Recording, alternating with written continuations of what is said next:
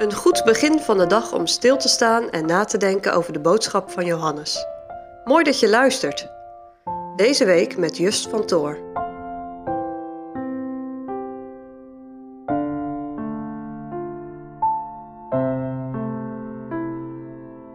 De afgelopen dagen hebben we nagedacht over de eerste discipelen van de Heer Jezus.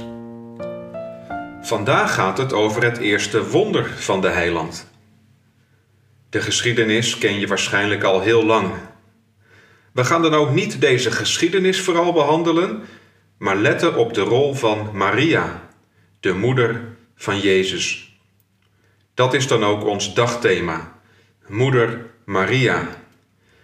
We kunnen de geschiedenis van de bruiloft in Cana lezen in Johannes 2, vers 1 tot en met vers 12. En ik lees nu voor jullie vers 1 tot en met vers 5.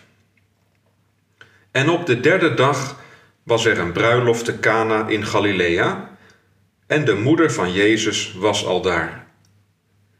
En Jezus was ook genood en zijn discipelen tot de bruiloft.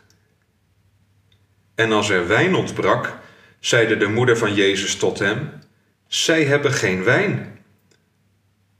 Jezus zeide tot haar: Vrouw, wat heb ik met u te doen? Mijn uur is nog niet gekomen. Zijn moeder zeide tot de dienaars: Zo wat hij ulieden zal zeggen, doe dat.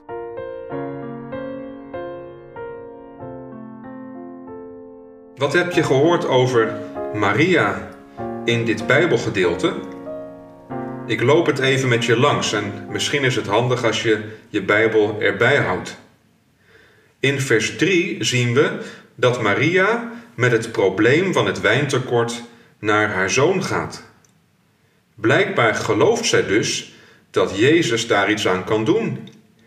En dat is bijzonder, want Jezus heeft nog geen wonderen gedaan. In vers 4 klinken dan de wonderlijke woorden van Jezus tot zijn moeder: Vrouw, wat heb ik met u te doen? Het woord vrouw klinkt hier ons wat onaardig of misschien zelfs onbeleefd in de oren. Maar zo moet je het hier niet zien. In Israël sprak je zo een vrouw aan. Wat wel bijzonder is, is dat Jezus dat woord gebruikt als hij tot zijn moeder spreekt. Dat was niet gebruikelijk. Nog opvallender is eigenlijk het vervolg. Vrouw, wat heb ik met u te doen? Wat dit zinnetje letterlijk betekent is: wat is er tussen u en mij? Jezus zegt dat Maria zich niet met zijn zaken moet bemoeien.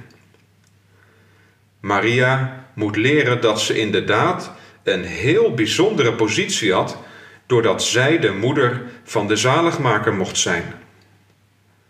Tegelijk wordt hier duidelijk dat de Heer Jezus haar geen plaats boven of naast haar geeft. Hij neemt dus afstand van haar en haar vraag. Hier zien we dat het er in Jezus leven niet om ging dat hij de weg en wil van zijn aardse moeder volgde, maar van zijn hemelse vader. Blijkbaar is dat voor moeder Maria meteen duidelijk. Ze gaat hier namelijk niet verder in gesprek met Jezus, maar zegt in vers 5 dat de dienaren onmiddellijk moeten gehoorzamen als Jezus hun een opdracht geeft. Maria laat zich dus haar plaats wijzen als ze met haar probleem tot Jezus komt. Zullen we vandaag met die les afsluiten? Ik hoop dat je ook met je vragen en zorgen naar de Heer Jezus gaat. Hij nodigt jou daartoe uit. Dat heb je als kind al geleerd. Opent uw mond.